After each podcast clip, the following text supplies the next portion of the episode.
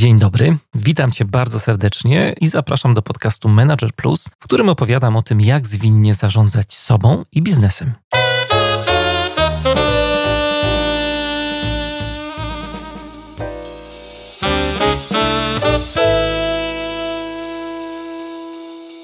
No to co? Zaczynamy. Dzisiaj wracamy po raz kolejny do tematu perfekcjonizmu. Perfekcjonizmu, któremu poświęciłem już kilka odcinków jeszcze w starym roku, pod koniec ubiegłego roku. Nagraliśmy wspólnie z Olą taki mini cykl o mitach związanych z perfekcjonizmem. Jeżeli jeszcze nie miałaś, nie miałeś okazji e, wysłuchać tego cyklu, to bardzo serdecznie Cię do niego zapraszam. Dzisiaj skupimy się na takiej trochę innej odsłonie perfekcjonizmu, bo bardzo zależało mi na tym, żeby pokazać też, jak psychologia podchodzi do perfekcjonizmu. Myślę, że nie tylko w mojej głowie, ale też w Twojej niejednokrotnie pojawiało się takie pytanie, czy perfekcjonizm jest e, zaburzeniem, czy to jest jakaś cecha kliniczna, którą trzeba leczyć, czy może są jakieś wersje takie mm, zdrowe perfekcjonizmu.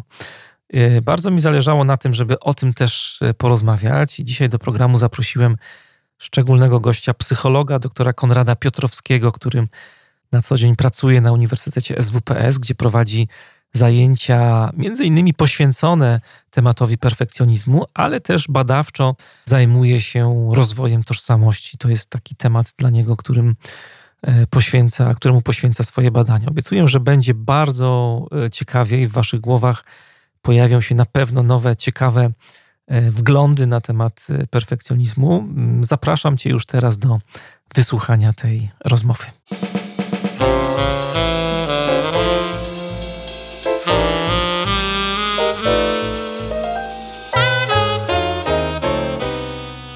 Jest z nami dzisiaj e, dr Konrad Piotrowski, psycholog e, rozwoju, i z nim będziemy rozmawiać na temat arcyważny w życiu każdego lidera perfekcjonizm. Witam Cię, Konradzie, bardzo serdecznie. Cześć, dzięki za zaproszenie. Ty jesteś psychologiem e, rozwoju i chciałbym Cię dopytać, czy jest jakaś taka najgorsza rada, która jest udzielana przez specjalistów z Twojej branży?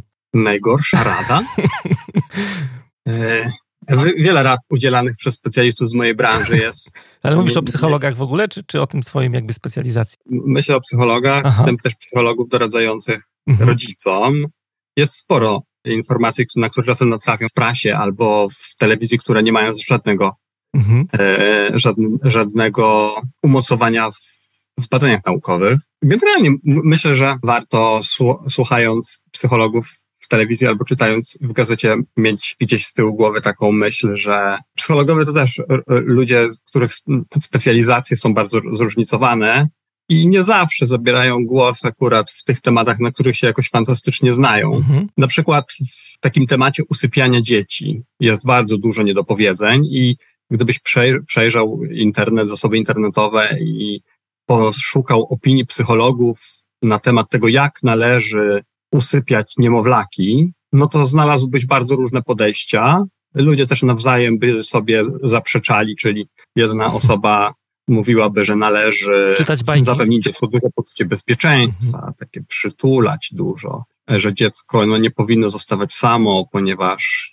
jego układ nerwowy jest jeszcze bardzo mało rozwinięty, no nie potrafi sobie radzić ze stresem, więc trzeba przetrwać różne rzeczy. No, dzieci po prostu niektóre śpią bardzo źle, ale to nie znaczy, że my, rodzice, powinniśmy szukać jakichś takich wybiegów, dróg na skróty, prawda? Inni psychologowie z kolei są zwolennikami takiego podejścia bardziej behawioralnego, a więc, żeby, że dzieci należy oduczyć, na przykład wołania rodziców do swojego łóżka, prawda? że one muszą się nauczyć już w, bardzo wcześnie, że kiedy jest czas spania, to jest czas spania, one powinny spać i mhm. nie powinny swoich rodziców wzywać. Żadne z tych podejść nie jest prawdziwe. E, a w każdym razie żadne z nich nie pasuje do wszystkich dzieci, bo prawda jest taka, że dzieci są bardzo różne i do każdego dziecka musimy dopasować odpowiednią metodę.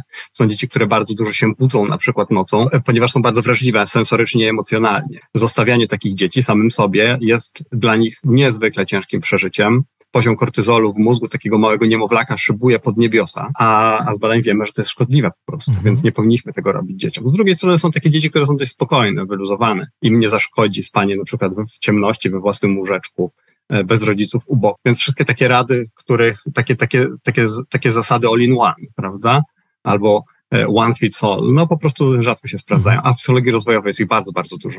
No właśnie, bo tutaj pojawił się temat rodzicielstwa i chciałem też y, ciebie o ten temat trochę zahaczyć, bo jak się o tobie poczyta w internecie właśnie, to jedna rzecz, którą się zajmujesz, to jest właśnie tematyka rodzicielstwa i tam są bardzo różne rzeczy. Na przykład pojawia się taki temat jak wypalenie rodzicielskie, czy e, żałowanie mhm, decyzji tak. o posiadaniu dzieci, więc takie, takie trudne tematy, ale też y, druga gałąź dość ważna to jest perfekcjonizm. I ty też na Uniwersytecie SWPS wykładasz na temat właśnie perfekcjonizmu. Y, skąd tam ten perfekcjonizm się pojawił? No bo tutaj mamy rodzicielstwo. Ja podejrzewałem trochę, że to jakoś tam gdzieś sięgamy głęboko i rodzice nam mogą to zrobić, że jesteśmy perfekcjonistami, ale skąd takie zainteresowanie u ciebie? Wiesz, no w, na, w nauce generalnie kierowany jestem ciekawością mhm. i jak większość naukowców wypełnianiem pewnych luk albo zacieraniem białych plam. I na perfekcjonizm natrafiłem trochę przypadkowo, e, oczywiście jako na taki temat, który mnie zainteresował też z, oso z osobistych takich po pobudek, bo prawda jest taka, że na uniwersytetach jest bardzo dużo perfekcjonistów, bo też praca naukowa wymaga dużej skrupulatności, dużego zaangażowania. I wcale mnie nie dziwi, że, że jest to taki obszar, gdzie sporo perfekcjonistów trafia po prostu. No, a teraz wracając do tej, do, do mojej aktywności badawczej, no to przez przypadek, ponieważ któregoś razu natrafiłem na taki artykuł mojego znajomego, badacza z Belgii, który to artykuł kończył się taką konkluzją, że oto w tym artykule to badanie, które oni przeprowadzili, jest pierwszą próbą opisania związku między perfekcjonizmem a rozwojem poczucia tożsamości. I to było dla mnie takie dość zaskakujące, bo wiem, że literatura, wiedziałem już wcześniej, że literatura na temat perfekcjonizmu jest bardzo bogata. Psychologowie się zajmują tym tematem od 30 lat bardzo intensywnie. I z drugiej strony, no ta konkluzja, że w tym obszarze badań nad tożsamością jest tak mało, e, tak mało dotychczas przeprowadzonych badań, a ponieważ ja badaniami tożsamości również się zajmowałem i zajmuję się do dziś, no to pomyślałem, że to jest fajny temat, żeby się nim zająć, skoro tylko jedno, jedno badanie przeprowadzone w Belgii tego dotyczyło, no to pomyślałem sobie, okej, okay, Konrad, no to w takim razie się tym zajmij. Jest przestrzeń, tak. Tak, tak, że jest właśnie przestrzeń. Dla naukowca to jest świetne, świetne miejsce, żeby się troszeczkę tam porozprychać, prawda, w tym obszarze. No i tak też zrobiłem, kiedy już poznałem tematykę perfekcjonizmu trochę lepiej, okazała się niezwykle ciekawa. Oprócz tego okazała się tak mocno rezonować w otoczeniu, bo kiedy tylko do dziś to E, e, prawda, się z tym spotykam, że kiedy, że kiedy mówię ludziom, czym się zajmuję i pada ten temat perfekcjonizmu, to prawda, ludzie się otwierają, prawda, oczy mi się otwierają, że o wow, to to, tak, ja to mam, prawda, albo to sk skąd to się bierze. Często jestem też pytany o to, jak sobie z tym poradzić, mhm. no bo perfekcjonizm, pewnie o tym będziemy rozmawiać w trakcie tego może naszego zacznijmy od tego, spotkania. czym jest w ogóle, nie, bo już tak obchodzimy go Aha, naokoło, no, tak, ale, no, ale może byśmy jasne. taki fundament zrobili, nie, do tej naszej rozmowy. Dobrze. Tak, tak, świetnie. Więc perfekcjonizm jest po prostu cechą osobowości, pewną charakterystyką osobowościową, a więc pewnym takim stałym wzorcem przeżywania i interpretowania zdarzeń i zachowania. Tym jest cecha psychologii. I perfekcjonizm dotyczy pewnej charakterystycznej, takiej dość wąskiej kategorii zachowań, mianowicie e, standardów, jakie mamy wobec siebie samych e, i motywacji do realizowania tych standardów. No i każdy z nas posiada jakieś standardy własnego funkcjonowania, a więc takie przekonania o tym, co powinniśmy i jak powinniśmy wykonywać, na jakim poziomie powinniśmy realizować zadania, na przykład w szkole, w pracy, w rodzinie. I perfekcjoniści to są osoby, których standardy są bardzo wysokie. Ich poprzeczka jest zawieszona bardzo wysoko, a więc oczekują od siebie więcej niż inni ludzie zazwyczaj od siebie oczekują. Oni sami zresztą też o tym dobrze wiedzą, zazwyczaj. Ich standardy są do tego dość sztywne a więc są bardzo mało podatni na to, żeby zaakceptować niedociągnięcia. Jeżeli ten, te ich oczekiwanie nie zostanie zaspokojone, to e, wywołuje to napięcie, wywołuje to stres, wywołuje to niepokój. Perfekcjonizm jest generalnie takim dość sztywnym wzorcem zachowania i, i przeżywania. I żeby dobrze zrozumieć tę, tę, tę cechę, to warto sobie to warto, to warto, żebyśmy rozdzielili te, te, te komponenty perfekcjonizmu na takie dwie ważne grupy, bo z jednej strony mamy te standardy. Są ludzie, którzy mają dość niskie standardy własnego zachowania, więc nie oczekują od siebie za dużo. Są osoby, które oczekują od siebie bardzo dużo. To są perfekcjoniści. Ale oprócz tego jest jeszcze drugi komponent, bardzo ważny, bo kiedy nasze standardy funkcjonowania są dość wysokie albo bardzo wysokie, to zawsze pojawia się też taka myśl, że może nam się nie udać ich zrealizować. Im wyżej poprzeczka wisi, tym oczywiście jest większe ryzyko, że nie uda nam się tam doskoczyć. I to buduje ten drugi komponent. To są różne obawy i lęki, które są dość charakterystyczne dla pewnej grupy perfekcjonistów. oni żyją w ciągłym przekonaniu, że nie uda im się osiągnąć tych standardów, że, że oni nie są wystarczająco dobrzy, wystarczająco szybcy, wystarczająco sprawni, wystarczająco kompetentni, żeby zrealizować to, czym uważają, że powinni zrealizować. I to jest takim komponentem tego, co nazywamy w badaniach dezadaptacyjnym perfekcjonizmem i jest przyczyną wielu problemów, z jakimi perfekcjoniści się ścierają. Ale jest też druga grupa, tak zwanych adaptacyjnych perfekcjonistów, o których będę miał E, będę chciał opowiedzieć dzisiaj, co porozmawiać, bo to jest taka grupa, o której rzadziej myślimy, myśląc o perfekcjonizmie. Jest to taka cecha, którą my utożsamiamy raczej z takimi negatywnymi konsekwencjami, prawda? Jak myślimy sobie o kimś, okay, o, to jest perfekcjonista, to zazwyczaj mamy na myśli jakieś takie, takie, takie, takie trudności. No, ale, ale też z drugiej strony y, sama psychologia chyba też, nie? Przez, y, przez długie lata traktowała to jako pewną dysfunkcję naszą taką. Rzeczywiście tak bycie, jest. Bycie w dużym stopniu nadal mhm. tak jest. Mhm. W dużym stopniu nadal tak jest. Od tego za, zaczęły się badania nad perfekcjonizmem, a więc w obszarze klinicznym, bo zauważono, że osoby z pewnymi kategoriami problemów psychologicznych, jak chociażby z depresją, albo z zaburzeniami odżywiania, albo z zaburzeniem obsesyjno-kompulsywnym, że one mają bardzo wysokie standardy swojego funkcjonowania i takie przekonanie, że nie udaje mi się zrealizować tych standardów. No i tak do psychologii wprowadzono w ogóle pojęcie perfekcjonizmu, utożsamiając je właśnie z taką cechą bardzo sztywną, bardzo przesiąkniętą, takim bardzo silną krytyką samego siebie, która prowadzi do problemów psychicznych.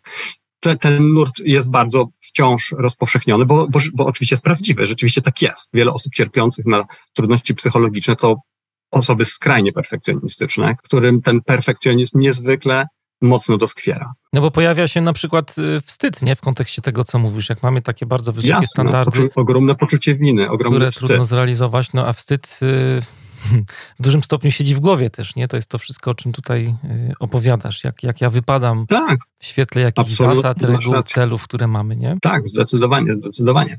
Oprócz tego towarzyszy takim perfekcjonistom bardzo duży poziom lęku. Oni cierpią często na bezsenność. Regulują ten swój negatywny stan emocjonalny za pomocą różnorodnych używek, chociażby jak alkoholu albo narkotyki, żeby obniżyć poziom napięcia. Wiele kłopotów, o których pewnie jeszcze będziemy okazję porozmawiać, ale od lat 90. wiemy też, że perfekcjonizm ma, może mieć swoją drugą stronę, ponieważ y, są też osoby, które spełniają takie tę definicję perfekcjonisty, a więc mają rzeczywiście bardzo duże standardy, ta ich poprzeczka wisi bardzo wysoko. One sobie niczego nie wybaczają. Zawsze dążą do przodu, ciągle, do, ciągle coś widzą przed sobą, do czego muszą zmierzać, ale jednocześnie nie widzimy u nich tych lęków, niepokoju. Wręcz przeciwnie, one są bardzo zmotywowane. Jak coś im się nie udaje, to one otrzepują się, prawda, z kurzu i idą dalej. E, ktoś im mówi, że się nie da, to one wkładają maksimum energii, maksimum wysiłku, żeby jednak się dało.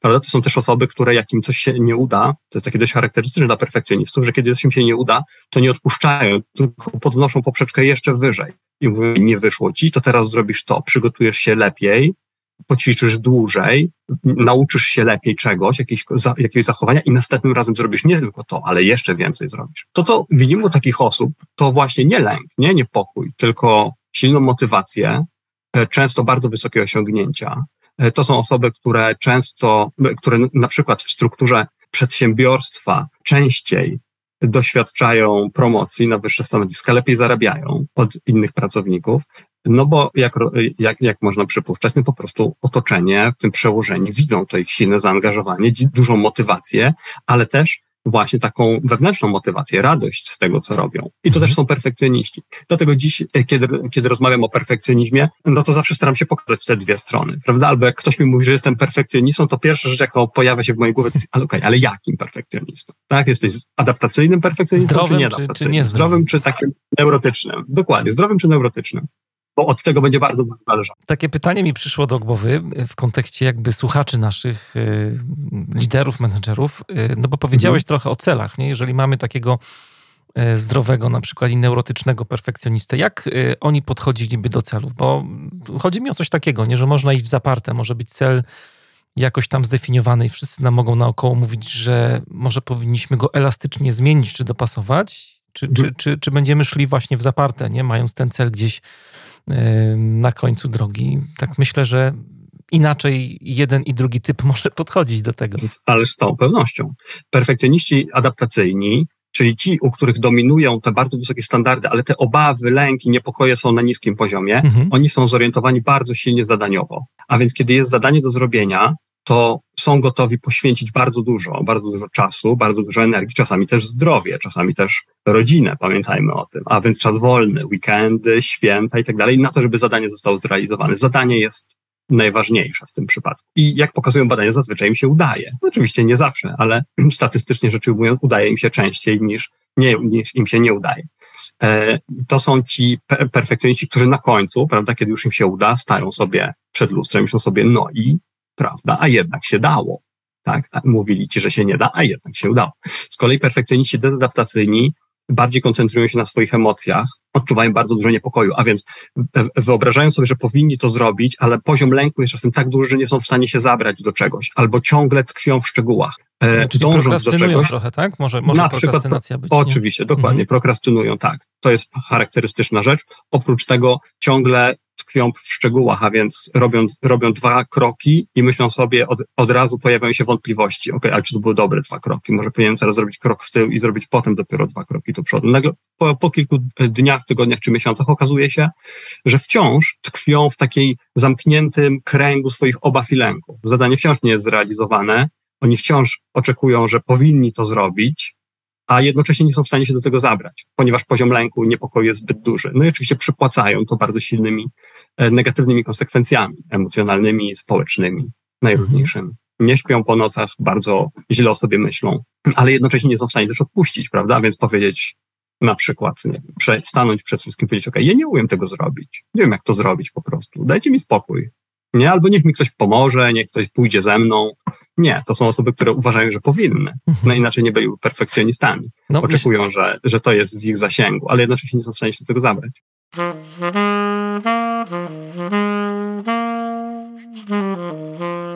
Myślę, że też trudną rzeczą taką, o której dzisiaj dużo się mówi w zarządzaniu jest taka kultura porażki czy, czy tolerancja na błędy, nie? I to, to nie tylko w kontekście jakby, mm, też na pewno, nie? W kontekście samego perfekcjonisty, ale też w kontekście relacji perfekcjonisty do, do zespołu, bo e, tak sobie myślę, że jakby wymaganie wysokiej, wysokich standardów od siebie to jedno, ale można też projektować te wymagania czy oczekiwania na innych. I mamy lidera, który pracuje z zespołem i, i on też jakby oczekuje takich wysokich standardów, czasami nierealnych, od ludzi, którym zarządza, którymi zarządza nie? w firmie, w, w projekcie. Tak, zdecydowanie. U nas e, ta, ta kultura niezdolności do odnoszenia porażek u nas zaczyna się bardzo, bardzo wcześnie, prawda? Nie wiem, czy masz e, jakieś doświadczenie z dziećmi, ale moja córka, która ma 11 lat, jest teraz w podstawówce w szóstej klasie i przez 6 lat jestem, od 6 lat jestem świadkiem tego, jak ta, jak to w szkole funkcjonuje, jak się rozwija, jak, jak powstaje. Jest to też dla mnie fantastyczne takie laboratorium jako naukowca, żeby poprzyglądać się, jak zaczyna się perfekcjonizm, bo szkoła polska jest bardzo perfekcjonistycznie zorientowana. Nauczyciele nie tolerują błędów dzieci. Moglibyśmy powiedzieć, że tolerują w znaczeniu takim, że na przykład, no okej, okay, jak ktoś nie, nie jest fantastycznym uczniem, nie jest świetny z matematyki, to dostanie trójkę na przykład, tak? Czyli szkoła ma ten swój, swoje, swoje standardy, prawda, jakiś maks, ale nie musisz tam doskoczyć, myślisz sobie, okej, okay, no możesz dostać trójkę albo czwórkę, twoje dziecko może takie być, więc z jednej strony, no, można powiedzieć, szkoła nie oczekuje perfekcji, ale z drugiej strony, kiedy moja córka mi opowiada, jak reagują nauczyciele na potknięcia uczniów, to to jest coś zupełnie, co przeczytam. Na przykład moja córka opowiadała mi taką historię, że nauczycielka chciała, żeby jedno z dzieci odczytało na lekcji jakieś tam napisane przez siebie wypracowanie, tak, taką krótką notatkę. Mhm. I ta dziewczynka nie chciała tego przeczytać, bo, bo z powodów jakichś tam prawda, takich obaw, wątpliwości. Po prostu powiedziała, że ona da pani ten zeszyt do przeczytania, wolałaby nie czytać przy, tak publicznie przed klasą. I to nauczycielka tak, jak opowiadała to moja córka, tak zaczęła przewracać oczami i powiedziała, o Boże. I to jest właśnie to. To są właśnie rzeczy, które sprawiają, że my już od małego nie jesteśmy w stanie przyjąć tego, że, jesteśmy, że, że nam nie wychodzi, że jesteśmy, nie, że, że nie spełniamy tego standardu, na przykład szkolnego. Prawda? No bo gdyby ta nauczycielka powiedziała, no okej, okay, Kasiu, no rozumiem to, trochę się obawiasz. To, no ja, to jest jasne, że czytanie przed 20 dziećmi, jak się ma 10 lat, no może być stresujące. To może następnym razem przeczytaj, a teraz daj mi ten zeszyt, ja sobie rzeczywiście przeczytam, a teraz niech przeczyta Bartuś. Nie? No i dajesz taki sygnał wtedy temu dziecku, że no okej, okay, no po prostu, no za bardzo się bałaś, no to nie dałaś rady tym razem, nie? Może następnym razem się uda. Tymczasem ona przewraca oczami, o Jezus, no. I, i co, co, co to zostawia w Kasi? No to zostawia w Kasi, że Kasia jesteś niewystarczająco dobra, powinnaś następnym razem to zrobić. No ale ona nie zawsze da sobie z tym radę, nie, nie zawsze sobie poradzi. No i tak idziemy z tym. Potem idziemy z tym na studia, potem idziemy z tym do pracy i jak pojawia się nasz przełożony, jakiś szef, który też mówi, hej, zrób coś, nie? To nagle wracają te nasze wszystkie dziecięce niepokoje i lęki, że okej, okay, co będzie, jak okaże się niewystarczająco dobry, nie? Co się okaże, co ja, jak powiem mu, że nie umiem tego zrobić, to co, będzie tak przewracał oczami, jak ta moja nauczycielka. Zresztą to też widać, znowu tak jeszcze zostanę przy tym, tym moim szkolnym takim przykładzie, jak chodzi się, na, jak, jak chodzę na zebrania na przykład do, do mojej córki, to widzę, że my dorośli, kiedy siadamy w ławkach szkolnych, to nagle stajemy się trochę dziećmi znowu. Mhm. Że wracają, tak. wracają te nasze dawne historie. Na przykład nie tak dawno znowu na zebraniu, jednym jakimś zebraniu rodzice ukrywali przed nauczycielką, że mają dostęp do jakichś zadań, testów, że, ich, że, tam, że dziecko się uczy, wiesz, z, z jakichś tam podręczników, w których też nauczyciel korzysta w sprawdzianach. I oni chcieli to ukryć przed tym nauczycielem, żeby on nie wiedział, że oni to mają, bo wtedy ich dzieci będą miały większe szanse, wiesz, na sprawdzianie. Żeby coś zrobić ja sobie, dalej, tak? Tak, i ja słucham tego myślę, kurde, do, do, dosłownie jak, jak sami jakbyśmy byli, nie? Tymi trzynastolatkami, co, co się boją, że im nie pójdzie na teście. Właśnie, czemu o tym mówię? Bo to się zaczyna tak jak w tej klasie mojej córki, ale kończy się tak jak, jak wtedy, kiedy już jesteśmy rodzicami, nie? Wciąż to w nas tkwi. Zresztą badaj nad perfekcjonizmem. Ja kiedy zadajemy pytania o to, jak to, się, jak to się zaczyna, jak to powstaje, no to bardzo często właśnie pierwsze co, to wędrujemy do dzieciństwa, bo to właśnie tam zaczynamy budować te standardy, nie? Kiedy ja jestem wystarczająco dobry, kiedy jestem wystarczająco szybki, czy ludzie akceptują to, jaki jestem, czy ja muszę dać z siebie więcej, a może bardzo dużo, żeby ich zadowolić. No i, no i rzeczywiście, no tak, tak to się zaczyna bardzo często. No myślę, że też budowanie takich y, wzorców, które później siedzą w naszych głowach, bo tutaj perfekcjonizm to jest jedno, ale też myślę sobie, tak y, wyciągnąłeś przykład dorosłych dzieci, to w firmach też y, często spotykam się z tym, że liderzy mają takie wyobrażenia, na przykład idealnego szefa, nie? Jakaś taka idealna mhm. persona, która jest w ich głowie i na przykład teraz dużo jakby w przywództwie, w zarządzaniu mówi się o oddawaniu wolności zespołom, nie? autonomii, o samoorganizacji zespołu. No i spotykam się z takimi rozmowami właśnie z liderami, że, że mówią mi, że jest trudno im jakby oddać trochę swobody zespołom, bo mają gdzieś w głowie wyobrażenie takiego idealnego lidera, bo na przykład ojciec był szefem jakiejś tam jak zakładu produkcyjnego, nie? I on był taki hardy, twardy zawsze mhm. w tych takich relacjach i to, to takie imago tego szefa przenosimy sobie właśnie z różnych obszarów naszego życia do tej takiej sfery sfery dorosłej. I tutaj myślę, że to, co mówisz, to też w kontekście rodziców na takim bardzo podstawowym poziomie może zaistnieć, że mamy rodziców, rodzica, który jest perfekcjonistą. No i ja jestem dzieckiem, który obserwuje takiego rodzica. No i jakoś tak, nie wiem, świadomie czy, czy, czy nieświadomie, może czasami też podświadomie się uczymy tych zachowań takich e, perfekcyjnych od naszych rodziców. To jest taka pamiątka, którą nam zostawili. Tak, rzeczywiście tak jest. No i teraz e, zależy na jakim etapie teraz ulokujemy naszą rozmowę, tak też byśmy mogli za, mieć jakieś zalecenie, nie? Bo jeżeli jesteś rodzicami, myślimy sobie teraz o dzieciach, no to jak, ma, jak twoje dziecko ma 5, 6, 7 lat, to musisz być czujny na to, jak oceniasz jego zachowanie, jakie wskazówki mu dajesz, jakie standardy i co pokazujesz sobą, nie? Czy akceptujesz to, że, nie wiem, jest kiepski w piłkę, czy akceptujesz to, że nie dostanie super oceny z matematyki, czy akceptujesz, akceptujesz to, że się boi wejść do nie wiem, do jakiegoś tam domu strachu w Luna Parku. Znaczy z punktu widzenia tego dziecka fajnie, żeby, żeby takim, takiego rodzica obok siebie mieć takiego, który to zaakceptuje, przyjmie, powie, okay, no tak, ja to rozumiem, nie? Każdy się czegoś boi, ty też możesz się tego bać. Może następnym razem, jak będziemy, to spróbujesz, ale, ale może jeszcze to przemyśl, nie? Bo może, a jak wezmecie za rękę, to może będzie lepiej, co? Bo może spróbujemy. No i może spróbuję, a może nie. Teraz jakbyśmy tak przeskoczyli sobie 20, 20 lat do przodu i trafilibyśmy do jakiegoś przedsiębiorstwa, do jakiejś firmy i mielibyśmy porozmawiać z przełożonym szefem, nie wiem, liderem jakiegoś zespołu, to w zasadzie porozmawialibyśmy z nim dość podobnie. Wchodzimy w taką relację, która jest trochę podobna do relacji rodzic-dziecko, a więc mamy do czynienia z relacją niesymetryczną. Ktoś jest wyżej, ktoś jest niżej, ktoś jest odpowiedzialny za coś, a ktoś ma mniej tej odpowiedzialności i i ma za zadanie realizować jakieś cele, standardy, które ktoś inny ustala. Trochę jak w rodzinie, prawda? Rodzice też są dominującą grupą w, w tej diadzie rodzinnej. No i powiedzielibyśmy takiemu komuś, że jeżeli on by chciał, żeby jego zespół, jego pracownicy się rozwijali, to on musi zostawić im przestrzeń na popełnianie błędów i pomyłek. Bo tylko wtedy będzie szansa na to, że pracownicy będą realizować te standardy, nie wiem, dążyć, wybiegać daleko w przyszłość, ale jednocześnie nie będzie ich paraliżował lęk przed tym, co będzie, jak się nie uda.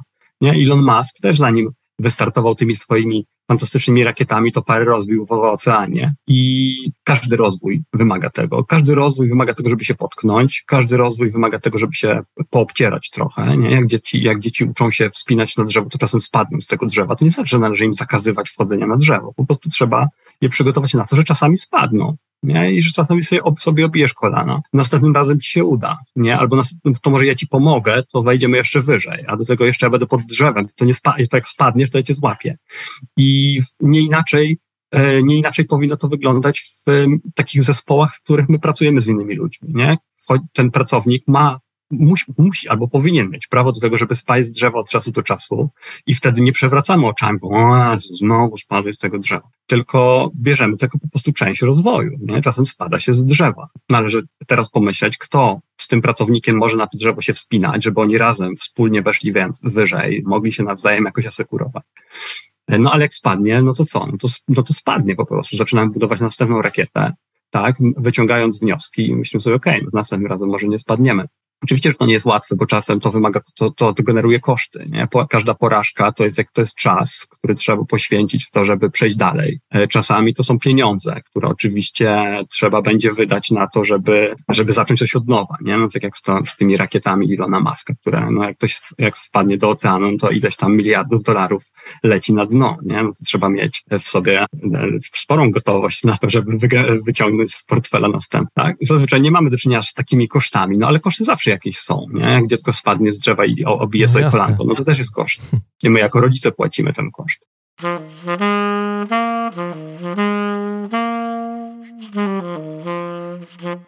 Wyciągnąłeś tutaj bardzo fajną taką metaforę. Nawet się tak ucieszyłem wewnętrznie, że o tym mówisz, bo też y, mam takie tutaj, no nie, nie podejrzenie, ale wydaje mi się, że jest dużo takich analogii między zdrową rodziną a zdrowym zespołem. Też e, kiedyś miałem taką dyskusję właśnie z grupą liderów w pewnej firmie i rozmawialiśmy też, nawiążę trochę do tego przykładu o oddawaniu autonomii ludziom w zespole, nie? O, o tym, żeby ludzie się bardziej korzystali ze swoich zasobów, z którymi przychodzą do takiego zespołu, motywacji, doświadczeń, wiedzy itd., tak itd. Tak I tak jak powiedziałeś, relacja rodzic-dziecko, nie? I, I, rozmawialiśmy o takim, no prostym przykładzie, nie? Idziesz z dzieciakiem, który pierwszy raz będzie na rowerku jeździł, nie? I, mhm. E, jest e, jakby ten dzieciak to jest taki zespół dla tego lidera. Tak, tak nam się ta rozmowa wokół tego kręciła. I bardzo podobnie jest właśnie z tą, z tą autonomią, że na początku jest duża ekscytacja po stronie zespołu i do momentu, kiedy pierwszy raz ten dzieciak zedrze kolano na rowerze i się rozpłacze, to mnóstwo pojawia się takich emocji, jak na przykład, nie wiem, zwątpienie, chociaż niepewność to, czy ja faktycznie potrafię, nie potrafię.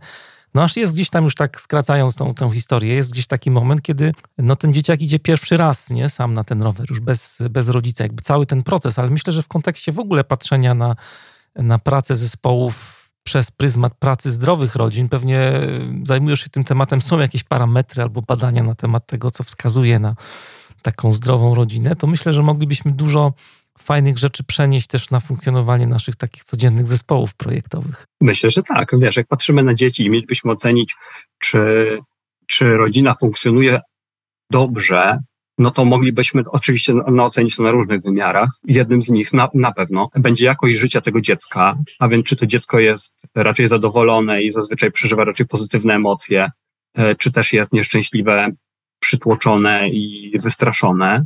Więc spojrzelibyśmy na owoce, że tak powiem, dynamiki tej rodziny. Po drugie, y, zadawalibyśmy pytanie o to, czy to dziecko realizuje swój potencjał. A więc, czy to dziecko rozwija się na tyle dobrze, żeby jego możliwości były zrealizowane, czy też ono się rozwija poniżej swoich możliwości. No i właśnie, i tutaj, że ci wejdę w słowo, jako lider możesz narzucić pewien obraz. Ja tutaj zawsze daję przykład, pozdrawiam serdecznie moją siostrę Kasię, która rodzice chcieli, żeby się uczyła gry na skrzypcach, nie? a to było zupełnie wbrew Kasi, już nie gra na skrzypcach, e, ale pokazała w pewnym momencie bardzo stanowczo, że to nie jest jej droga zupełnie. Nie? I czasami też tak w naszych firmach jest, czy jeśli chodzi o prowadzenie organizacji, prowadzenie zespołu, że wdrukowywujemy jakiś obraz tego, co będzie, jakiś właśnie standard taki idealny y, właśnie w tym naszym zespole, w którym jesteśmy, nie? A zespół może mhm. mieć też jakiś swój pomysł, no bo wtedy jest większa szansa, że on jeszcze pełniej się rozwinie, tak jak dziecko, które odkryje w pewnym momencie, po co na tej planecie się pojawiło, jeżeli tam na jakimś etapie swojego rozwoju się pojawi w pewnym momencie. No tak, no tak, dokładnie. Myślę, że dużo zależy od tego, jaki my w ogóle zespół chcemy mieć, albo jaki team chcemy zbudować. No bo wyobrażam sobie, że no są, są takie zadania, takie miejsca, gdzie potrzebna jest kontrola, czyli ktoś, kto jest wyżej, jest osobą kontrolującą, trzyma odpowiedzialność za wszystko, a pracownicy po prostu mają wykonywać swoje zadania sumiennie, prawda, jak mróweczki, no to wtedy, wtedy będzie taka organizacja, no, gdzie, ten, gdzie ten kierujący z pewnością będzie też mocno zmęczony, bo jak, jak, jak czujemy, że to my powinniśmy mieć kontrolę nad wszystkim i wszystko, wszystkiego pilnować i, czu, i, i czuwać nad wszystkim, to oczywiście po jakimś czasie się umęczymy, prawda? Jak jesteśmy rodzicami takimi, to się wypalamy wtedy. A jak jesteśmy szefami, to też się wypalamy, jak podejrzewam. E, z kolei po drugiej stronie będzie budowanie takich kreatywnych zespołów. Zespołów, gdzie ludzie korzystają ze swoich możliwości i sami, sami zmieniają rzeczywistość. E, no właśnie, tak jak dzieci, prawda? Którym pozwo jak pozwolimy, jak dzieciom popuścimy w dzieciństwie, to one nagle zaczynają malować po ścianach, zaczynają, prawda, nie wiem, zszywać ze sobą jakieś rękawy w, w bluzkach, bo stwierdzą, że zbudują tunel prawda? I że jak zszyją ten rękaw z tym, no to powstanie taki, taki, taki okrąg i wtedy one mogą sobie, nie wiem, piłkę tam przeciągać. No i to, no to wtedy stracimy coś, czyli pozwolimy zniszczyć koszulę, albo na ścianie będą jakieś gryzmoły, e, ale jednocześnie nadajemy dziecku oczywiście taki sygnał do twórczości, kreatywności, nie? Jest, jest zawsze koszt tego. No właśnie, kosztem jest to, że nie mamy koszuli. Zyskiem być może jest to, że dziecko myśli, zaczyna myśleć poza pudełkiem. E, że to przed chwilą to była tylko koszula i tylko piłeczka, ale teraz to jest, e, prawda, zderzacz hadron. W zarządzaniu ludźmi też możemy postawić na, na, tę, na tę drogę, a więc wzmacniać pracowników w ich twórczości, zwłaszcza jak już wiemy, że to są pracownicy, którzy są ekspertami w czymś. Trzeba pamiętać o tym, że, że my mamy też swój bardzo, bardzo, po jak, zwłaszcza po latach wykonywania jakiejś pracy, bardzo zawężony obraz tej pracy. Ponieważ bardzo na, nasz umysł jest dość leniwy i my uwielbiamy chodzić po znanych nam ścieżkach. Fantastycznie widać to w pracy naukowej. My naukowcy dużo piszemy, i później poddajemy to, co napisaliśmy, ocenie środowiska w postaci recenzji na przykład, takich anonimowych, które sobie nawzajem robimy w różnych czasopismach.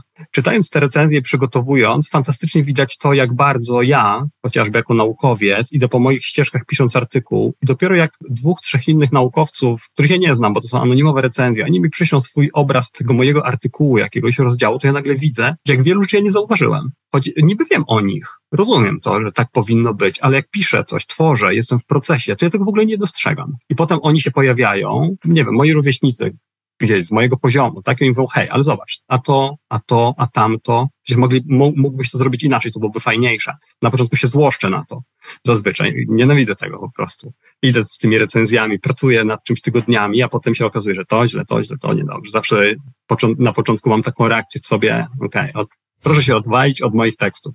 Ale po paru dniach widzę to i widzę, jak dużo zyskuję dzięki temu. Tak naprawdę jestem wielkim fanem tego procesu, e, tych anonimowych recenzji, chociaż właśnie, one czasem dużo mnie kosztują, bo kosztują mnie kolejne tygodnie pracy, a jednocześnie wiem, że gdybym to ja był tym osobą, tą osobą, która ma za zadanie wskazać jedyny kierunek, iść tym kierunkiem, to nigdy bym nie osiągnął tego, co osiągam jako naukowiec potrzebujemy tych ludzi. Potrzebujemy tych, którzy nam powiedzą, hej, ale stary, no przecież można to też inaczej zrobić. No i teraz w zespole też powinna być na to przestrzeń. Powinna być przestrzeń na to, żeby ktoś, nawet stojący niżej w hierarchii od nas, powiedział, ale przecież to można zrobić inaczej. Powinniśmy inaczej do tego podejść. No właśnie, żeby do tego doszło, no to musimy najpierw tę przestrzeń zrobić. Tak jak tym dzieciom, co spadają z drzewka, przestać przewracać tymi oczami, jak dziewczynka nam mówi, że nie przeczyta, nie przeczyta przed całą klasą, bo się wstydzi. E, no i tak jak rakieta wpadnie do oceanu, prawda, że musi być ta przestrzeń. Wtedy nie, roz, nie, nie wychowujemy perfekcjonistów dezadaptacyjnych.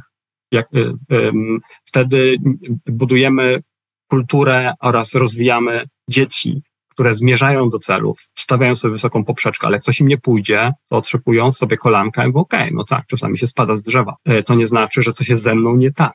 To nie znaczy, że ja jestem kiepski, że jestem niewystarczająco dobry, że jestem głupi, prawda, że jestem leniwy. Chodzi o to, że czasami się spada z drzew, więc następnym razem spróbuję zrobić, żeby nie spaść. Bo perfekcjonizm i tutaj no, staram się lansować to w z którymi, się, z którymi rozmawiam na ten temat. Perfekcjonizm sam sobie nie jest niczym złym. Perfekcjoniści to nie są ludzie, którzy są chorzy psychicznie. Perfekcjoniści zresztą zmieniają ten świat. Bardzo wielu innowatorów, eksperymentatorów, liderów to perfekcjoniści. Z tym tylko, że to są właśnie zazwyczaj tacy perfekcjoniści, którzy nie są owładnięci lękiem przed tym, że są zbyt głupi, żeby coś osiągnąć, albo zbyt leniwi. są perfekcjoniści, którzy są przekonani o tym, że jak włożą dużo wysiłku, to niemożliwe stanie się możliwym. I dlatego y, no, zachęcam wszystkich do tego, żeby odpowiedzieć sobie na pytanie, jakimi typami perfekcjonistów są, czy o ile są w ogóle ale jeżeli są, to czy są adaptacyjnymi, zdrowymi perfekcjonistami, czy nie. jeżeli okaże się, że, że to jest ten pierwszy typ perfekcjonizmu, to myślę, że poczucie winy można trochę obniżyć. Niekoniecznie przestać, zacząć z tym walczyć. A, a moglibyśmy jakoś podsumować na zasadzie takiej checklisty mini, yy, po czym poznać, na przykład nasi słuchacze teraz nas słuchają, się zastanawiają, czy ja jestem tym dobrym perfekcjonistą, czy raczej tym neurotycznym. To, to na co powinniśmy zwracać uwagę, jak się tak autoanalizujemy? Dobrze, dobrze. No to najpierw, najpierw ustalmy sobie jedną taką podstawową, podstawowy podział, czyli ludzie się dzielą na perfekcjonistów i nieperfekcjonistów. Je, e, a potem będziemy ten podział snuli dalej. No, no chciałem więc... o to też zapytać właśnie, bo, bo tak jak mówiłeś wcześniej, to wynikało trochę z tego, że każdy jest jakoś tam e, zaburzony, nie? Każdy jest perfekcjonistą na swój sposób. No a tutaj mówisz, że jest jeszcze ten taki obszar nieperfekcyjny. To ciekawe jestem. Okej. Okay, okay. no to się w słuch. Jasne, jasne. No, nie każdy jest perfekcjonistą, oczywiście, ale w psychologii warto sobie uświadomić, że w ogóle myśląc o cechach, mhm. jakichkolwiek cechach, no mamy na myśli pewien wymiar, a nie pewną kategorię zero-jedynkową. A więc no, można by powiedzieć, że w, jakimś stopniu, oczywiście każdy jest perfekcjonistą do jakiegoś tam stopnia, tylko że niektórzy w małym stopniu, a niektórzy w dużym stopniu, prawda? Ale no, teraz, żeby tak ba- bardziej oczywiście to yy, no, jakoś nakreślić i zawęzić, to teraz tak, no, jeżeli ktoś ze słuchaczy albo, albo ty mógłby się na przykład zgodzić z takimi stwierdzeniami, że gdybym nie stawiał sobie najwyższych wymagań, to pewnie byłbym kimś gorszym od innych, albo jest dla mnie bardzo ważne, żeby być całkowicie kompetentnym we wszystkim, co robię, albo mm, jakiś inny przykład, e, wyznaczam sobie ambitniejsze cele niż wyznaczają sobie inni ludzie. To jeżeli ktoś z Państwa słuchaczy e, na, na te trzy stwierdzenia odpowiadał sobie tak, albo bardzo tak, to zdecydowanie to jestem ja, no to prawdopodobnie taka osoba jest perfekcjonistą. Ale teraz trzeba, no właśnie, dokonać tego dalszego podziału, bo czy ktoś z Państwa słuchaczy, kiedy coś mu się nie uda w pracy, albo w szkole, albo na studiach, to myśli, że na przykład do niczego się nie nadaje. Albo bardzo się denerwuje na siebie, gdy popełniam pomyłkę. Albo jeśli ktoś zrobi coś lepiej ode mnie w pracy, to ja mam poczucie, że mi się kompletnie nie udało. Albo kiedy ktoś zrobi coś lepiej ode mnie, to mam poczucie, że jestem nieudacznikiem. To wtedy mamy do czynienia z perfekcjonistą, z tym silnym komponentem dezadaptacyjnym neurotycznym czasami nazywany. Jeżeli tego brak, no to wtedy mamy do czynienia z perfekcjonistą, który jest tym adaptacyjnym, bardziej, bardziej zrównoważony e, emocjonalnie perfekcjonistą. Tego pierwszego nazywam adaptacyjnym, tego drugiego dezadaptacyjnym. No a osoby, które nie oczekują od siebie tak dużo, to po prostu nieperfekcjoniści. Taka do, dość y, y, grupa umiarkowana, bo jak spojrzeć na na przykład, nie wiem, zadowolenie z życia, perfekcjonistów adaptacyjnych, dezadaptacyjnych i nieperfekcjonistów, co okazuje się właśnie dość zadziwiające to było w latach 90. dla psychologów, że, że najbardziej zadowoloną grupą społeczną są właśnie perfekcjoniści adaptacyjni. E, oni, no właśnie, więcej zarabiają od innych, częściej e, mają poczucie, że się samorealizują w swojej pracy albo w swojej szkole, zaraz za nimi w kolejce stoją nieperfekcjoniści, osoby, które nie oczekują od siebie dużo, są dość elastyczne, przyjmują życie takim, jakie jest, a na szarym końcu snują się dezadaptacyjni perfekcjoniści, którzy mają rzeczywiście dużo kłopotów e, i trudności wynikających z tego perfekcjonizmu. E, no i to, to był kolejny taki kamyczek w latach 90. do tego ogródka badań nad perfekcjonizmem, który zrewidował bardzo mocno ten, ten, ten, ten kawałek nauki. No bo okazało się, że perfekcjoniści to wcale nie są um, przytłoczeni depresją, uzależnieni, cierpiący na bezsenność ludzie, że są, bywa różnie, prawda? Są też tacy właśnie, którzy się samorealizują, zmieniają świat na lepszy i to też perfekcjoniści. No tak, myślę, że sobie możemy tutaj poodhaczać różne rzeczy, słuchając tego, co mówisz yy, i się jakoś tam do odpowiedniej szuflady włożyć. No i teraz chciałbym dopytać, yy, co z tym możemy zrobić, jeżeli ktoś yy, stwierdził, że no to ja chyba jestem tym takim neurotycznym perfekcjonistą, w jaki sposób powinienem zareagować, nie? w jakim kierunku mhm. powinienem pójść, żeby no jakoś ruszyć, ruszyć dalej. No myślę, że taką pierwszą rzeczą, y, która jest prosta, chyba najważniejsza, to jest jakieś takie mm, samozrozumienie tego, co się we mnie dzieje. Nie? To jest taki pierwszy krok do zmiany często. Jasne, dokładnie. No, po pierwsze, warto sobie uświadomić, że co się ma, prawda? Czyli umieć to nazwać, umieć to jakoś zdefiniować. No, no może teraz już będzie łatwiej.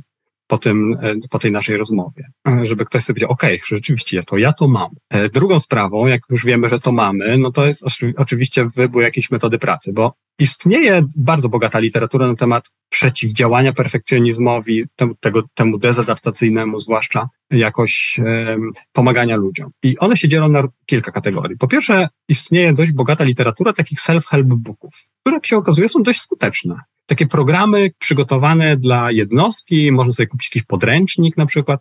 Niestety nie wydaje mi się, żeby w języku polskim one były. Ale to jest y, takie z pogranicza psychologii, czy to są jakieś takie naukowe opracowania? Nie, psychologiczne self-help booki przygotowane przez wybitnych specjalistów w dziedzinie. Nie, nie widziałem, żeby po polsku był jakiś taki, mhm. ale są na pewno w języku angielskim, można sobie sprowadzić jakiejś internetowej księgarni. I tam, prawda, mamy taki program, z którym możemy się zapoznać krok po kroku, prawda, lekcja po lekcji, tydzień po tygodniu. E, I badania pokazują, że rzeczywiście pozwala to na obniżenie zwłaszcza tych lęków i niepokojów, bo Mo, może w zasadzie powinienem od tego zacząć, że jest ciekawa rzecz z tym leczeniem perfekcjonizmu. Perfekcjoniści są bardzo niewdzięcznymi pa pacjentami, że tak powiem, klientami psychologów. Bo chcą się idealnie wyleczyć pewnie, tak? Czy, czy... Tak. Powie, że są krytyczni wobec innych, nie przyjmują niczego na wiarę, ale z drugiej strony bardzo nie chcą utracić tego swojego perfekcjonizmu, no bo wyobrażają sobie, że te standardy bardzo wysokie są podstawą w ogóle ich bytności, prawda, ich ja. Kim, jak, jak perfekcjoniście powiesz, e, że na przykład jak pójdzie na psychoterapię, to po tej terapii on już nie będzie tak dążył do wszystkiego, nie będzie chciał wszystkiego najlepiej robić, że on już będzie taki, taki przeciętny. No to ten, ten, ten perfekcjonista się odwraca na pięcie i odchodzi, bo on bardzo często wcale tego nie chce. Ale myślę, że to jest też to, co powiedziałeś na samym początku, jak, jak się zainteresowałeś tematem perfekcjonizmu, że jest jednak ta relacja i to, to tutaj wybrzmiewa, jak, jak o tym opowiadasz, pomiędzy właśnie rozwojem perfekcjonizmu, a tym budowaniem naszej tożsamości, bo taki perfekcjonista, tak jak ci tutaj trochę słucham, to jakby buduje i umacnia tą swoją tożsamość, jakby trochę poza sobą, w tym sensie, że w tym takim idealnym świecie, w tym takim idealnym standardzie, takim, takim sobą idealnym jest. To, to jest właśnie tak. gdzieś tam jakby poza nami jak, w jakiś sposób, nie? o ile możemy w ogóle to gdzieś umiejscawiać w naszym e, wewnętrznym świecie. To jest tak jak z osobowością pewnie trudne, nie? Tak, tak, rzeczywiście tak jest. Tym radzeniu sobie z perfekcjonizmem, no właśnie zaczynam od, tego, od tych takich samopomocowych różnych kursów dąży się głównie do tego, żeby poradzić sobie z tymi obawami, lękami. Mhm. Żeby ludzie uczyli się tego, że okej, okay, możesz mieć bardzo duże oczekiwania wobec siebie. Okej, okay, możesz e, celować naprawdę wysoko, nawet wyżej niż inni. Tylko naucz się tego, że jak coś ci po drodze się nie uda, to, to nie musi być powód do tego, żebyś ty teraz przez trzy dni to ruminował, prawda, poniżał się i, i, i sam siebie obrażał w swojej własnej głowie. Ruminował, to, czyli, czyli co robił? Bo nie wiem, czy wszyscy... Rozważał ciągle to samo, porażkę z przeszłości. Ruminacje polegają na tym, że rozważamy, co, by, co powinniśmy zrobić w przeszłości, żeby to się więcej nie stało i ciągle oskarżamy siebie o to, że jednak to zrobiliśmy. I ruminacje tym się charakteryzują, że są niekontrolowane, czyli to nie jest tak, że my pomyślimy sobie o czymś, co zrobiliśmy, co nam nie wyszło i nie wiem, no po paru chwilach wracamy do równowagi. To trwa czasami tygodniami, czasami to trwa nocą, prawda? Rumin, e, osoby ruminujące na przykład mają trudności z zasypianiem, bo przed snem ciągle rozważają wszystko, co im się nie Czyli udało. Przeżuwamy jakieś sytuacje, tak? Które nam no się tak, wydarzyły. Tak. Mhm. Rzeczywiście. E, no ale wracając teraz do sedna i do Twojego pytania, czyli mamy te kursy samopomocowe. Oprócz tego jest bogata literatura dotycząca skuteczności oddziaływań psychoterapeutycznych, czy to grupowych takich form pracy, E, czy to indywidualnych form pracy, czyli po prostu psychoterapia. Zwłaszcza psychoterapeuci poznawczo-behawioralni są dobrzy w tym, żeby, żeby identyfikować e, takie nieadaptacyjne przekonania i schematy, a następnie uczyć ludzi, w jaki sposób się od nich wyzwolić. Jest też kilka ciekawych badań pokazujących, że możemy na wczesnych etapach po, pomagać grupowo, na przykład w szkołach m, mm, uczniom. Przypominam sobie teraz o takim bardzo ciekawym badaniu, w którym uczennice y, w szkołach średnich poddano takim kilkutygodniowym kursom obniżającym perfekcjonizm, takie formy pracy grupowej no, z klasami, powiedzmy. To była profilaktyka zaburzeń odżywiania, bo dziewczynki perfekcjonistki mają taką tendencję, żeby również swoje ciało otoczyć tym takim nimbem perfekcyjności, i są bardziej narażone na zaburzenia odżywiania. Odchudzają się, nie dojadają tylko po to, żeby pięknie wyglądać. No i w tym badaniu postanowiono popracować na tym, żeby obniżyć te, ten, ten, ten ich perfekcjonizm, żeby pomóc im uniknąć tych zaburzeń odżywiania. No i okazało się, że tych parotygodniowy kurs, nawet po wielu miesiącach, wciąż był skuteczny. Te dziewczynki postrzegały swoje ciało w bardziej pozytywny sposób, mniej krytycznie oceniały różne swoje wybory, różne swoje decyzje, różne swoje osiągnięcia. Jestem przekonany, że te, tego typu badania dają nam też fajną przestrzeń do tego, żeby, żeby pracować w zespołach w podobny sposób. Bo z jednej strony oczywiście wiemy, że skuteczne są psychoterapie różnego rodzaju, grupowa psychoterapia, indywidualna psychoterapia, no ale wciąż mamy wtedy do czynienia z psychoterapią jako, prawda, długotrwałą, bardzo intensywną formą e, pracy psychologicznej. Często oczywiście niezbędną i na pewno skuteczną, jak wiemy. E, ale są też inne właśnie.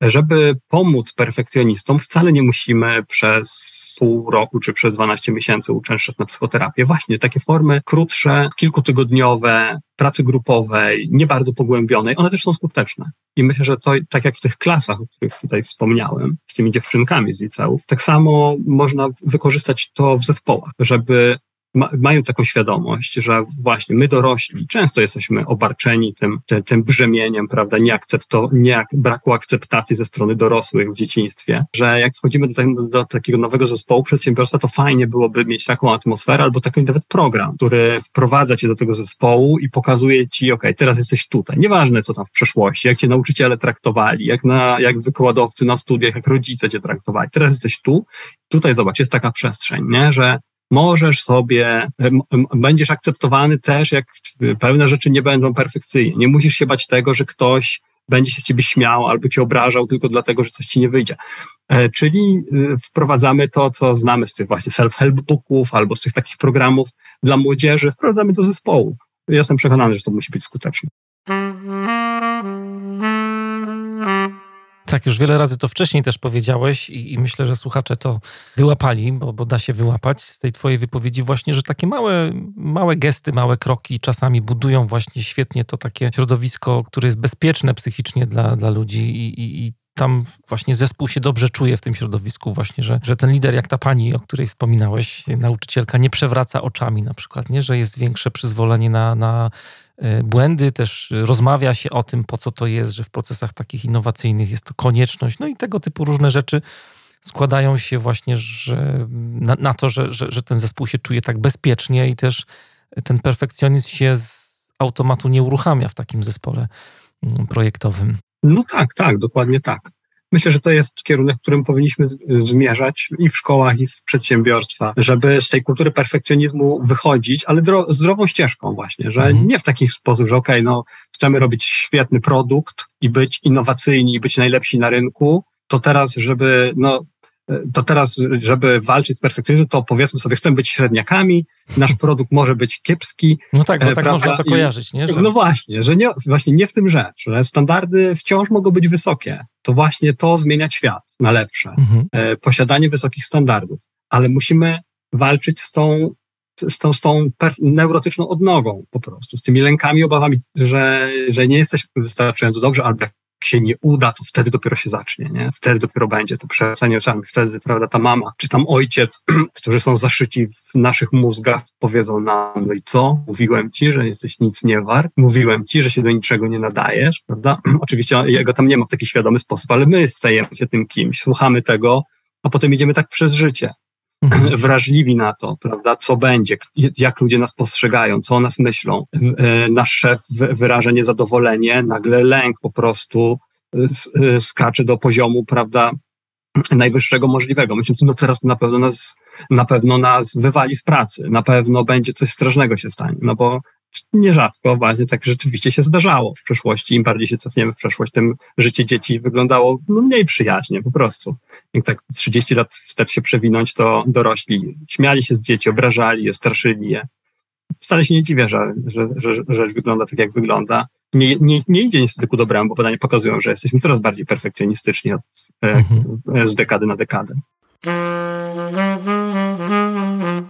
Na poziomie indywidualnym, jeszcze tak dopowiem do tego, co mówisz, przypomniał mi się taki, mm, e, takie hasło, które pojawiło się w jednej z książek. To był wywiad y, też, który prowadziła Dorota Wodecka z profesorem Wiktorem Osiatyńskim. Może się spotkałeś z hasłem od razu przepraszam za y, prawo cytatu, bo cytat brzmi mniej więcej tak. Spójrz rano w lustro, zrób przedziałek i odpierdol się od siebie, nie? To, to, to, to mniej więcej o to chodzi. Można na różne sposoby to, to, to tak, tak. interpretować, ale, ale to, co profesor Osiatyński powiedział, jest na swój sposób uwalniające, nie? No bo możesz stanąć przed lustrem i, i, i mówić właśnie, że nie jesteś wystarczająco dobry albo dobra, ale możesz mhm. właśnie wrzucić na luz i, i, wcale się tym nie przejmować. Nie, nie włączać tego krytyka w swojej głowie, że mogłaś inaczej, a po co w ogóle się odzywałeś w zespole, jak był ten trudny temat wyciągany, e, jak, nie wiem, mogłam być na tyle głupia, żeby coś takiego zrobić, no bo te, te głosy to tak jak popcorn trochę, maszyna do popcornu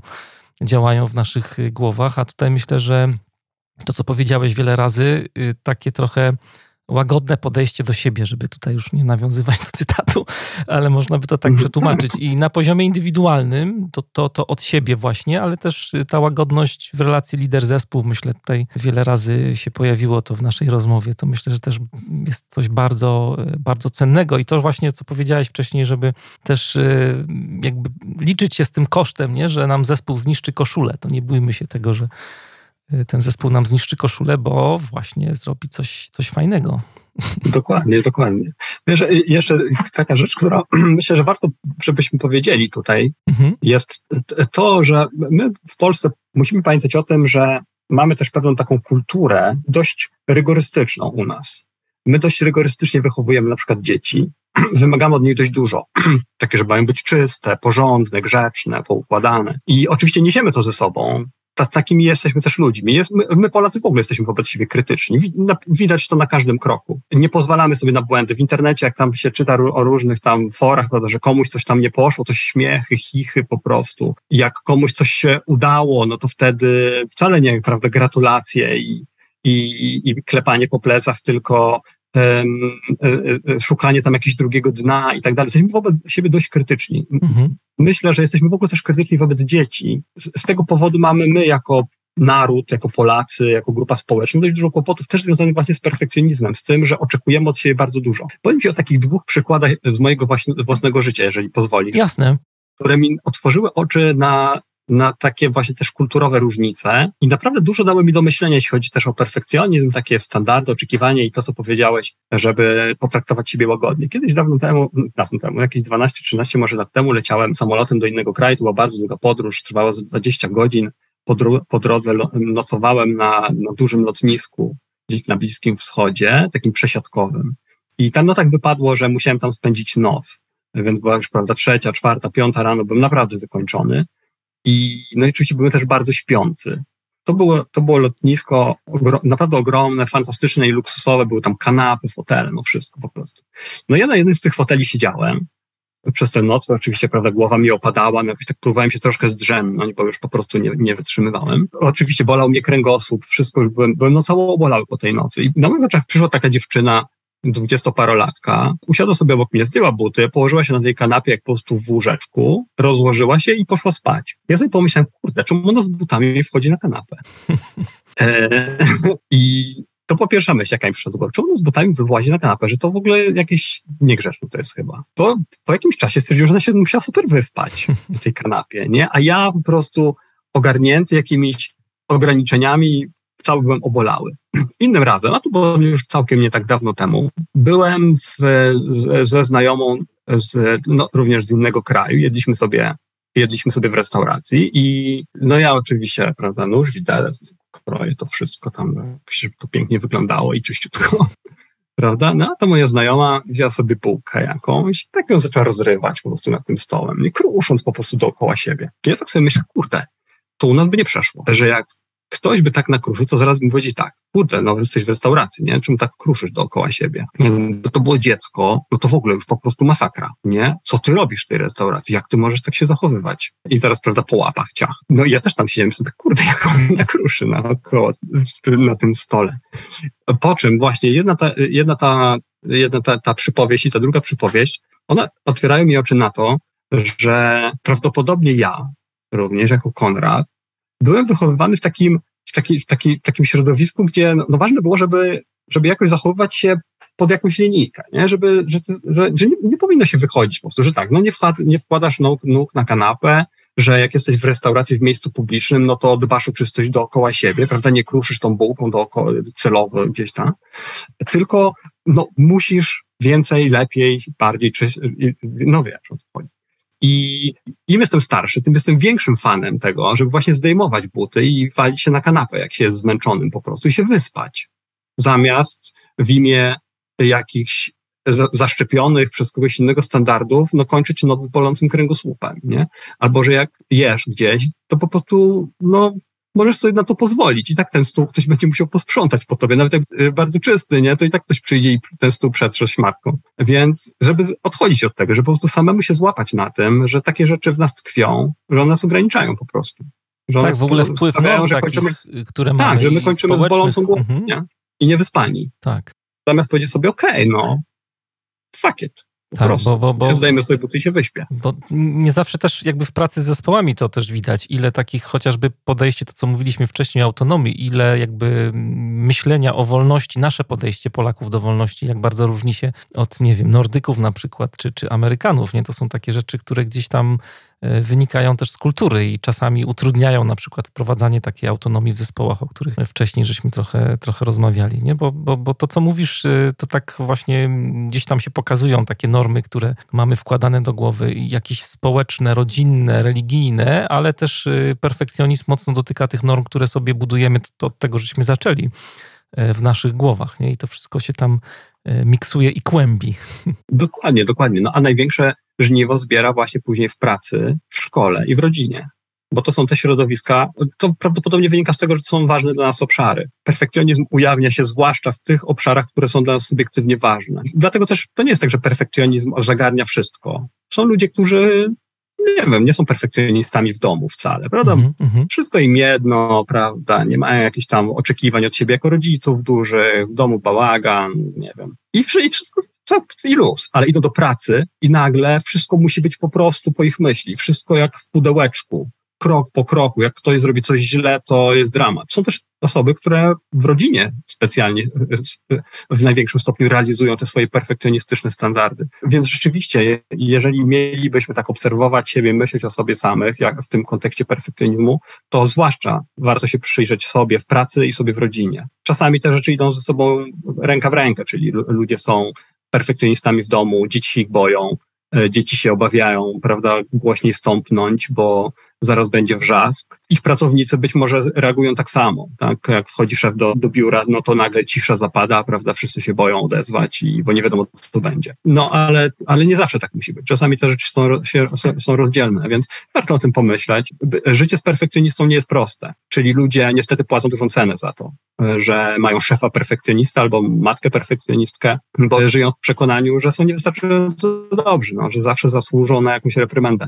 Zdecydowanie warto sprawić, żeby inni ludzie w naszym towarzystwie tak się nie czuli, bo to nie pomaga im w rozwoju, wręcz przeciwnie. A jeżeli chcemy być takim liderem, który pomaga w rozwoju innym ludziom, no to on nie, on nie może się nas bać. To wtedy nie ma miejsca na rozwój. Też powiedziałeś coś, co jest uwalniające dzisiaj w rozmowie, że, że perfekcjoniści nie zawsze są neurotyczni, bo dużo mówimy o tych takich neurotycznych perfekcjonistach, ale to może być też coś pozytywnego, nie? Taki zdrowy perfekcjonizm. Tak, zdecydowanie. W naszym zdecydowanie. wypadku i, i, tak, tak jak mówiłeś wcześniej, o, wiele rzeczy by jakby nie pojawiło się na naszej planecie. Mówię o wynalazkach czy jakichś takich innowacjach, gdyby nie perfekcjoniści, więc to też jest takie dosyć, dosyć cenne. Fajnie, żeby wybrzmiało jakoś przy słuchaniu tej naszej rozmowy. Fajnie, cieszę się. Zbliżamy się już do końca, tak zerkam na zegarek. Mamy już godzinę za sobą, więc tak jak, tak jak obiecałem, y, będziemy zbliżać się do końca. Bardzo Ci dziękuję za dzisiaj, za to, co powiedziałeś, te wszystkie różne meandry i fajne, fajne metafory. Myślę, że e, zostanę na pewno z tą metaforą zdrowej rodziny i zdrowego zespołu, bo, bo to jest takie coś, co ma duże przełożenie i kilka razy to wybrzmiało też w naszej rozmowie.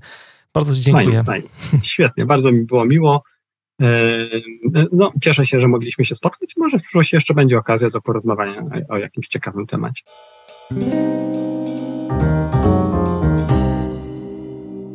Przesyłam ogromną wdzięczność wszystkim patronkom i patronom podcastu Manager Plus na Patronite. Dziękuję tym, którzy przedłużyli swoje wsparcie, tym, którzy zmienili próg wsparcia. Są też takie osoby na wyższy. No i witam nowych przyjaciół podcastu Manager Plus. Bardzo się cieszę, że dołączyliście. Wszystkim przesyłam ogromną wdzięczność, bo dzięki Wam, drodzy patroni, mogę robić to, co robię, a słuchacze mogą słuchać e, podcastu Manager Plus i się rozwijać, inspirować, budować swoją świadomość i ćwiczyć refleksyjność, której Wam bardzo życzyłem na początku mm, tego roku i mam nadzieję, że to będzie też coś, czego wszyscy jakoś doświadczymy, bo jest to też jedno z zadań, które sobie postawiłem, właśnie, żeby tę refleksyjność umacniać, budować e, także u siebie. Proszę Was ostatnio od jakiegoś czasu o wystawianie ocen na Spotify. To jest y, dziecinnie prosta rzecz. Jeżeli tylko korzystacie z aplikacji Spotify na swoich smartfonach, to wystarczy kliknąć w odpowiednie miejsce i nie trzeba jakoś y, żadnych fikołków wykonywać, żeby taką ocenę wystawić. Bardzo mi na tym zależy, bo dzięki temu możemy docierać do szerszego grona liderów, którzy nas słuchają. I mam taką świadomość, takie poczucie, że większa grupa liderów może usłyszeć o różnych y, dobrych rzeczach, nad którymi mogą pracować w swoim przywództwie podnosić swoją świadomość, mogą się inspirować, e, mogą się rozwijać. Bardzo mi na tym zależy. E, tak jak mówiłem, nie wymaga to jakiejś strasznej ekwilibrystyki. Wystarczy kliknąć w odpowiednie miejsce po wysłuchaniu odcinka, jak tylko oczywiście odcinek Wam się podobał. Bardzo e, liczę na te Wasze głosy i dziękuję za głosy, które już tam zostawiliście.